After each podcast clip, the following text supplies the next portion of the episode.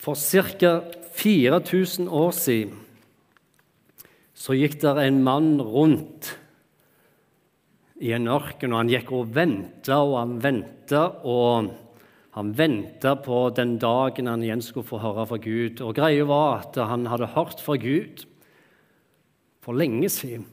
Han hadde fått et løfte fra Gud om at noe skulle skje. Han skulle bli med for barn, han skulle få en sønn og etterfølger.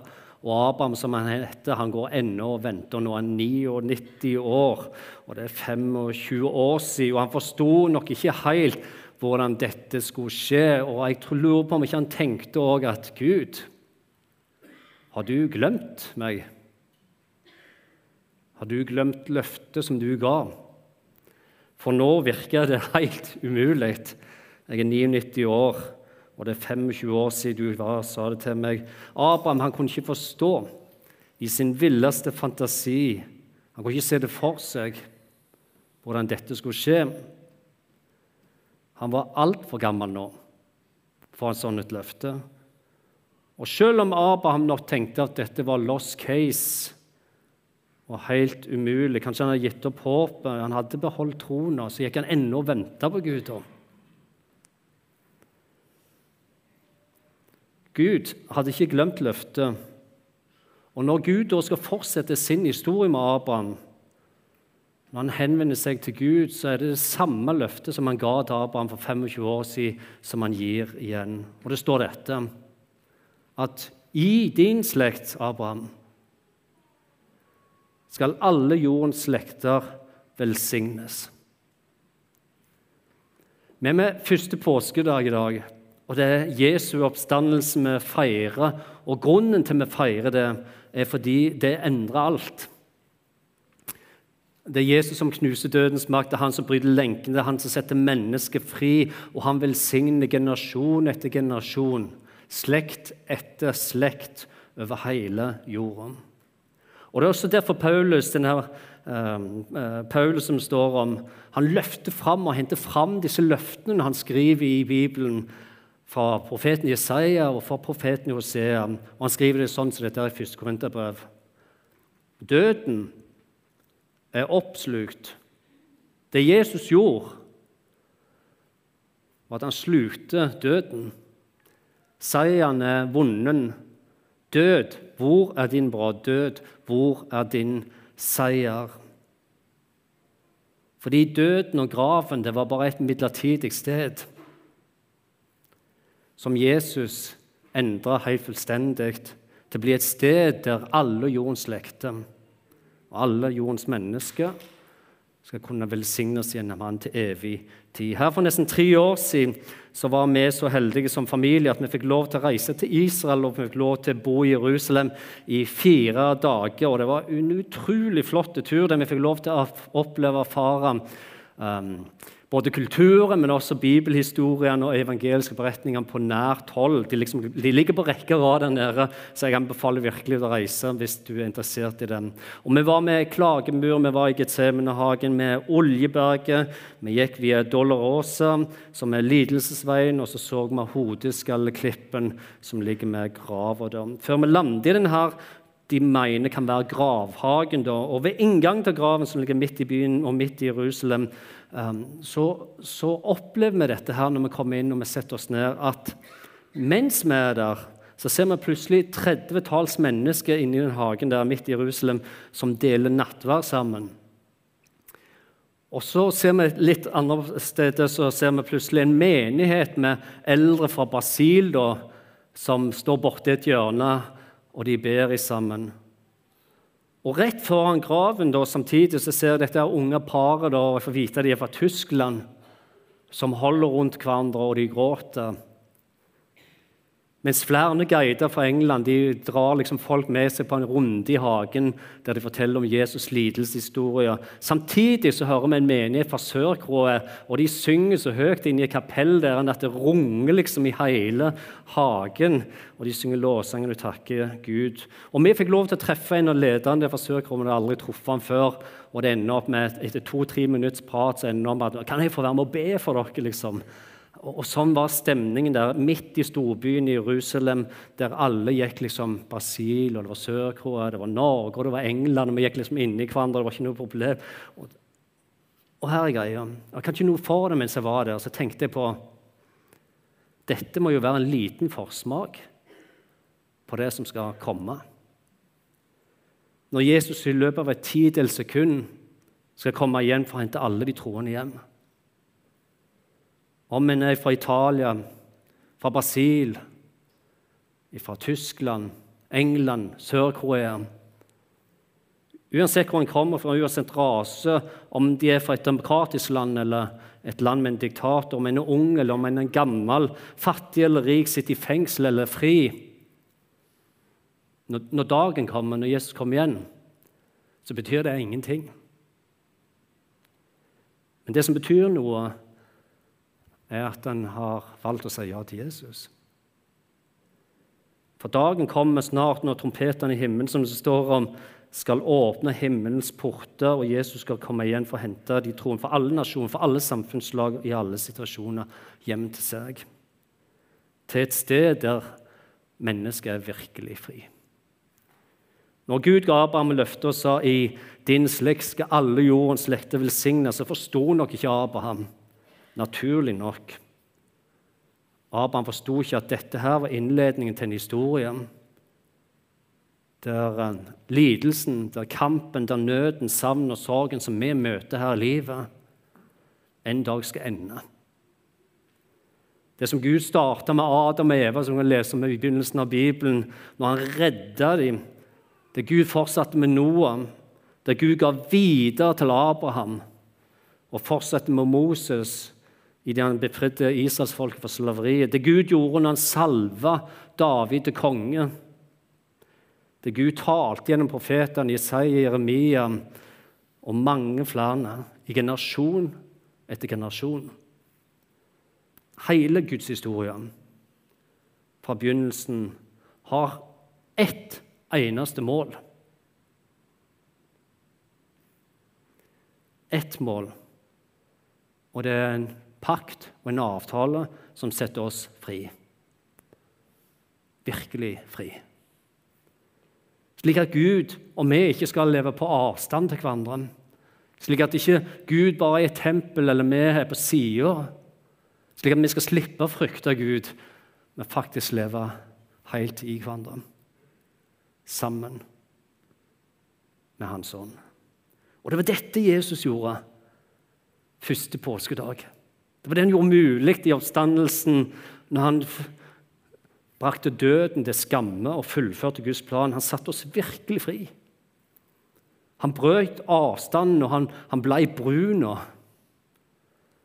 som smelte oss sammen med Guds ånd, slik at Den hellige ånd skulle få komme. Og Når Markus skal beskrive denne oppstandelsesdagen og oppstandelsen til Jesus, og hvordan den dagen var i sitt evangelium, så skriver han det sånn som dette. Da sabbaten, lørdagen, i går var over, så kjøpte Marie Magdalene og Maria, Jakobs mor og Salome velluktende olje for å gå og salve ham. Tidlig om morgenen første dagen i uken kom de til graven. Tidlig om morgenen den første dagen i uken er søndagsmorgen kom de til graven da sola gikk opp. Da sa de til hverandre, 'Hvem skal vi få til å rulle bort steinen fra inngangen til graven?' Du ser det, Når vi leser dette og den videre historien i dag, så er vi så heldige at vi får historien etter det skjedde. Men disse apostlene og disse kvinnene, vennene til Jesus, de hadde ikke peiling hva som skulle skje langfredag og første påskedag. De forsto det ikke, hva som skjedde. Nå også Teksten vi leste her, viser oss veldig tydelig opp til fire steder i teksten. Nummer én ingen av dem hadde tenkt at de måtte kjøpe olje til en begravelse. Dette var de ikke forberedt på det i det hele tatt.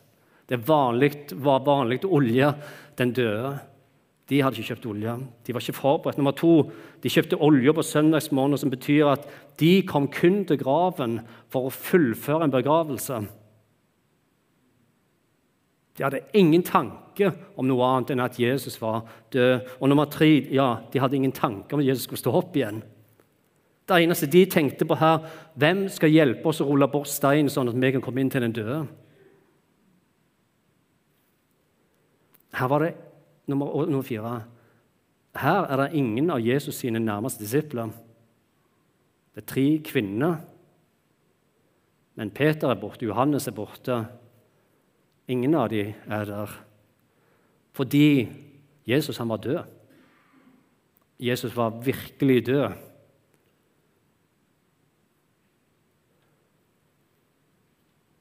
Ingen av dem tenkte overhodet på at Jesus skulle stå opp igjen. Han var død og ville forbli død. Og Hvorfor er dette bra for meg seg i denne teksten vi neste lese? At ingen av dem overhodet var forberedt eller forutså Jesus' oppstandelse? Jo, det er bra, fordi det som skjer videre i teksten, kommer til å forvandle hele livet deres. Slik at de noens, aldri noensinne kommer til å bli den samme igjen. For Markus han fortsetter å beskrive det sånn som dette her videre. Men da de så opp, disse kvinnene De kom til grav, og så så de opp. Fikk de se at steinen var rulla fra og Steinen var meget stor. Da de kom inn i graven, så de en ung mann sitte på høyre side, kledd i hvit, hvit lang kjortel. Og De ble forferdet, altså de ble redd. Men han sa til dem, 'Vær ikke for redd, forferdet.' Jeg vet at dere leter etter Jesus fra Nasaret, den korsfestede, men han er stått opp. Han er ikke her. Se, der er stedet hvor de la ham. Og Nå vet ikke jeg om du har møtt en engel noen gang, men det kan godt være. Jeg har ikke det. Ikke som jeg husker, i hvert fall. Men det kan være jeg har det, uten at jeg vet det sjøl. For det, tror jeg virkelig at Gud bruker engler her ennå på jorden. Men disse kvinnene her, de møtte uten tvil en engel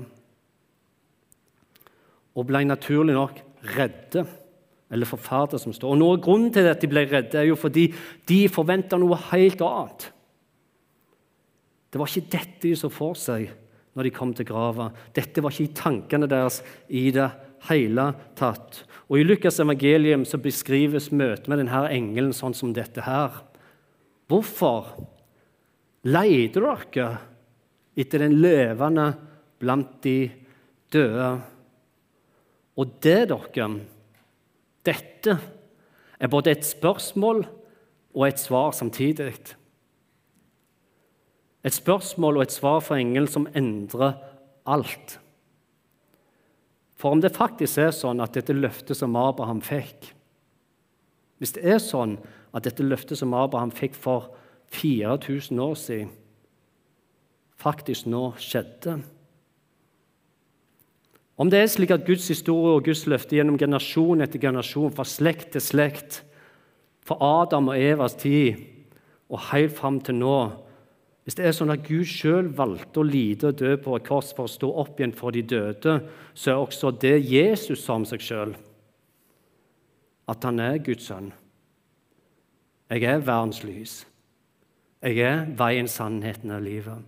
Jeg er oppstandelsen og livet, den eneste veien til Gud.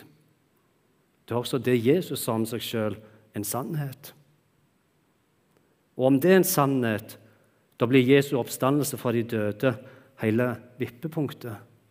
Hele bevistyngden og den siste brikken som faller på plass, og samtidig skyver bort all argumentasjon, tvil, fornektelse bort. For da faller også alle Bibelens løfter på plass. Da Jesus Kristus blir den siste brikken som fullfører hele puslespillet og alle Guds løfter fra tidenes morgen, fra første start. Den danske presten og salmedikter komponisten Thomas Kingo, som levde på 1600-tallet, han valgte å si det sånn som dette her. Det er fullbrakt. Et større ord er aldri talt, oppfylt av loven og profetiene. Forbannelsens tid er nå forbi. Og da vet ikke hva du tenker om dette, her, men da tenker jeg at jeg blir i hvert fall skikkelig glad Da tenker jeg at eh, vi har all grunn, god grunn til å løfte våre hoder, våre øyne, våre tanker, våre hender og våre føtter, alt som kan løftes, opp imot Gud. Det er fullbrakt. Eller dette ordet som Jesus sjøl brukte når han sa det var fullbrakt, tetelestei. Dette ordet som han ropte ut, som har flere betydninger. Det er et greske ord han brukte, men det har mange betydninger. Det betyr at det er avgjort. Det avslutter, det er bestemt, det er endelig fastsatt, ferdig, ferdig til, fullbyrdet, fullendt, fullkommen, gjennomført. Jeg elsker den. Det er i boks. Det er kronen på verket. Lagt siste hånd på. Tenk, tenk nå Guds historie. Det er perfekt nå. Det er satt ut i verden. Og det betyr at nå, siste brikken, det er på plass, det er virkeliggjort. Tettelestøy, det er fullbrakt. Dette som Gud starta, Guds historie med Adam og Eva, denne historien som Abraham fikk løfte om at han skulle få være med i, og som har pågått fra generasjon til generasjon, fra slekt til slekt, fra gjetere til konger.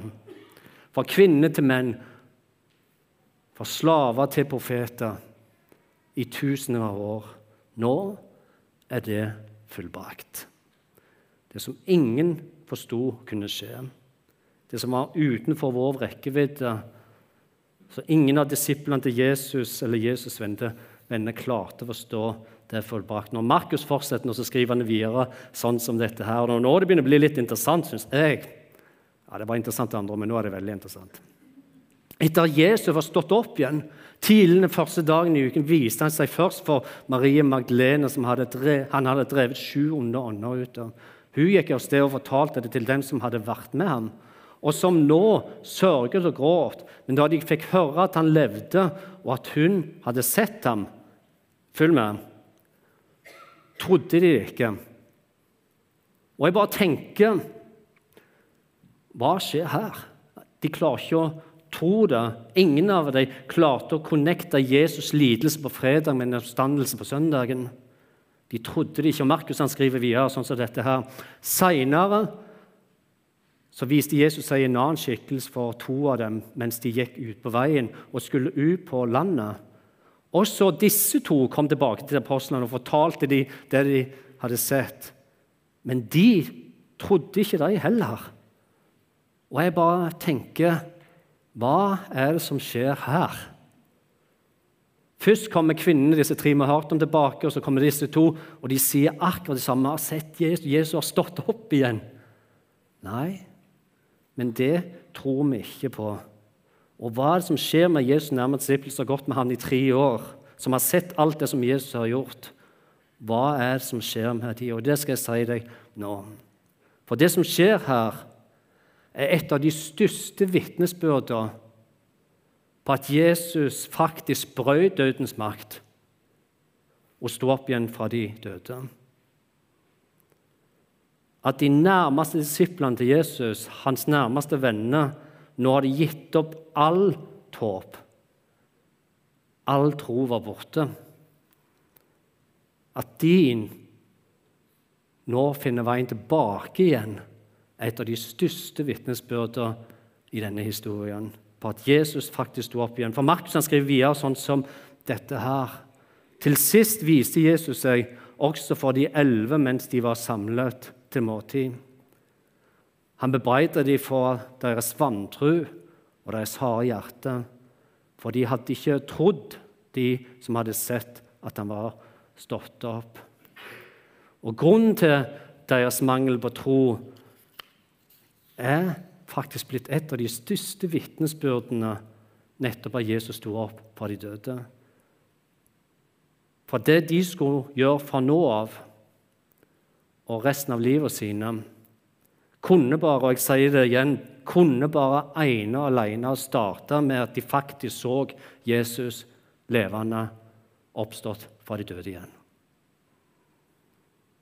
Dette er eneste muligheten og ingen annen mulighet. For det livet de nå velger videre, fra å være 'jeg tror ikke', 'alt håp er ute', til å bli det de ble, det er helt umulig uten at de setter Jesus levende igjen.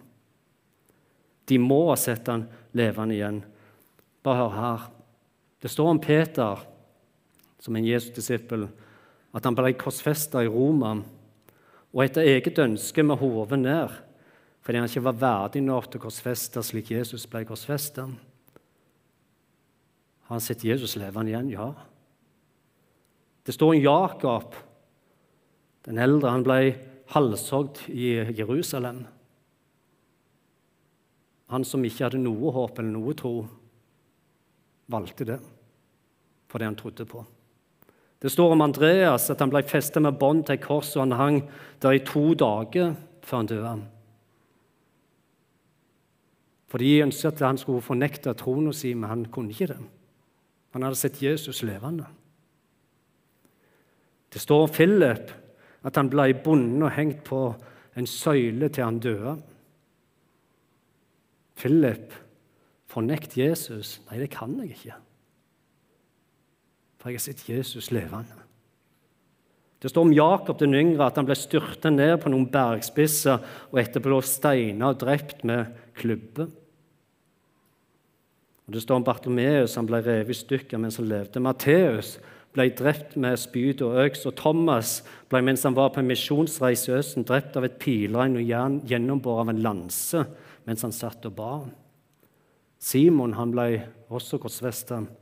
Og Tadeus, også kalt Judas, han ble torturert og lei grusom, sier historien. Han ble pint til død. Hvorfor forteller jeg dette? Ikke først og fremst for å vise hvor forferdelig deres død, men for å minne oss alle om i dag at disse er de samme apostlene som ikke trodde på kvinnene, som ikke trodde på mennene, som alt håp var ute, som hadde mista sin tro. Men som i løpet av ett møte med den oppstandende Jesus forsto at de er en del av en stor historie.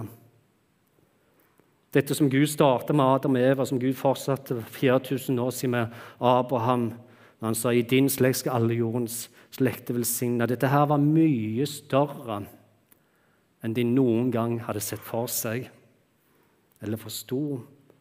Så stort var det og ble det for dem at når det gikk opp for dem, så kunne de ikke la være å snakke om det de har sett, og det de har hørt. De valgte heller å dø som martyrer enn å nekte for det de har sett. Jesus var levende igjen. Han var ikke blant de døde. Han levde. Mange mennesker tror feilaktig at, feilaktig at deres lykkeligste øyeblikk her på jord, deres dypeste glede og deres sterkeste opplevelse den finner en her på jord i dette livet. Da tenker jeg at noen må faktisk fortelle dem at dette livet her heldigvis bare er en sped begynnelse på det som skal komme. For alle de som tror på Jesus, som gir seg et løft, så gir Bibelen et løfte til dem at det aller, aller, aller beste du kan ha her på jorda, er bare en skygge og en liten start på det som skal komme. Rett før julen i 2018 og for tre og et halvt år siden så fikk jeg sammen med kona mi og dattera mi være med en som bare noen måneder før, i mars i 2018, på en gudstjeneste her, valgte å rette opp hånda og si ja til Jesus. Han var en eldre mann. Og han eh, var her, og kom fram her, og vi fikk snakket sammen. Det var forbønn. Og på den gudstjenesten da, så bekjente han sin tro til Jesus. Og liv og håp han bar med seg, det ble til ei tro som igjen endra hele måten han tenkte og valgte å leve livet sitt på. Noen måneder etter at han var her på gudstjenesten, og gjorde Jesus til herre, så ble han alvorlig syk. Noe som gjorde at han åtte måneder etter dette, etter han tok imot Jesus på gudstjenesten, lå i ei sykeseng, og han visste at tida var kort. Hans siste ønske var å samle familien rundt seg i sykesenga, og hans siste ønske var at han skulle døype seg. Og um, Da fikk kona mi og datteren mi være med, og de sang noen kjente salmer. Og Han delte troen og det framfor familien sin, og vi døypte han i sykesenga. Og etter dette så leste vi Salme 23 i sammen. Herren er min hyrde, jeg mangler ingenting. Han lar meg ligge i grønne enger. Han leder meg til hvilens vann. Han fører meg på rettferdighetsstier for sitt navns skyld. Om jeg skulle vandre i dødsskyggens dal, så frykter jeg ikke noe vondt. For du er med meg. Du dekker bord like foran min fiendes øyne. Ja, du salver mitt hode med olje. Bare godhet og miskunnhet skal etterjage meg alle mine dager, og jeg skal få bo i Herrens hus gjennom lange tider. Og der og da så senker Guds nærvær seg i det rommet. Og Den levende oppstanden i Jesus kom nær. Det var et hellig øyeblikk da vi kjente Guds kjærlighet fulgte et helt rom. To dager etter det så reiser Arvid sammen med sin levende Jesus hjem til sin far i himmelen. Jesus han sier det sånn som dette.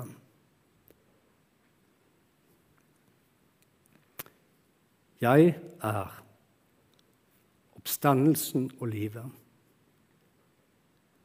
Den som tror på meg, skal leve om han enn dør.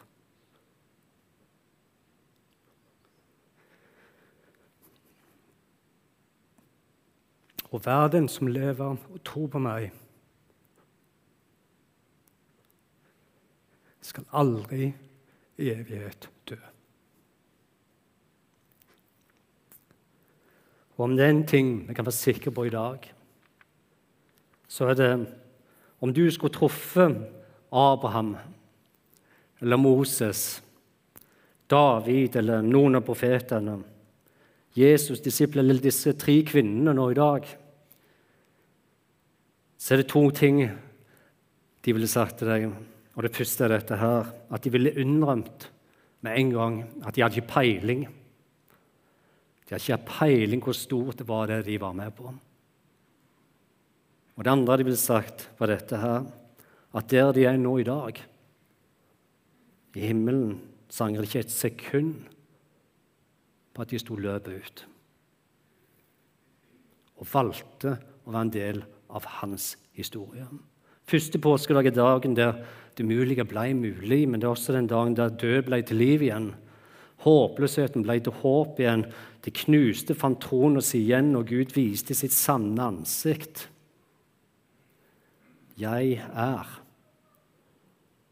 Og Det er også det som gjør at det ennå den dag i dag står på døra ned i Jerusalem, i denne hagen vi fikk lov til å besøke for tre år siden, det står der dette He is not here.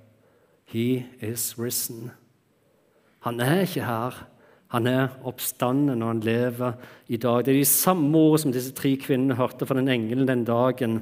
Og som han lovte disse tre, så lover han deg, og så lover han deg, og så lover han meg nå i dag at han skal snart komme igjen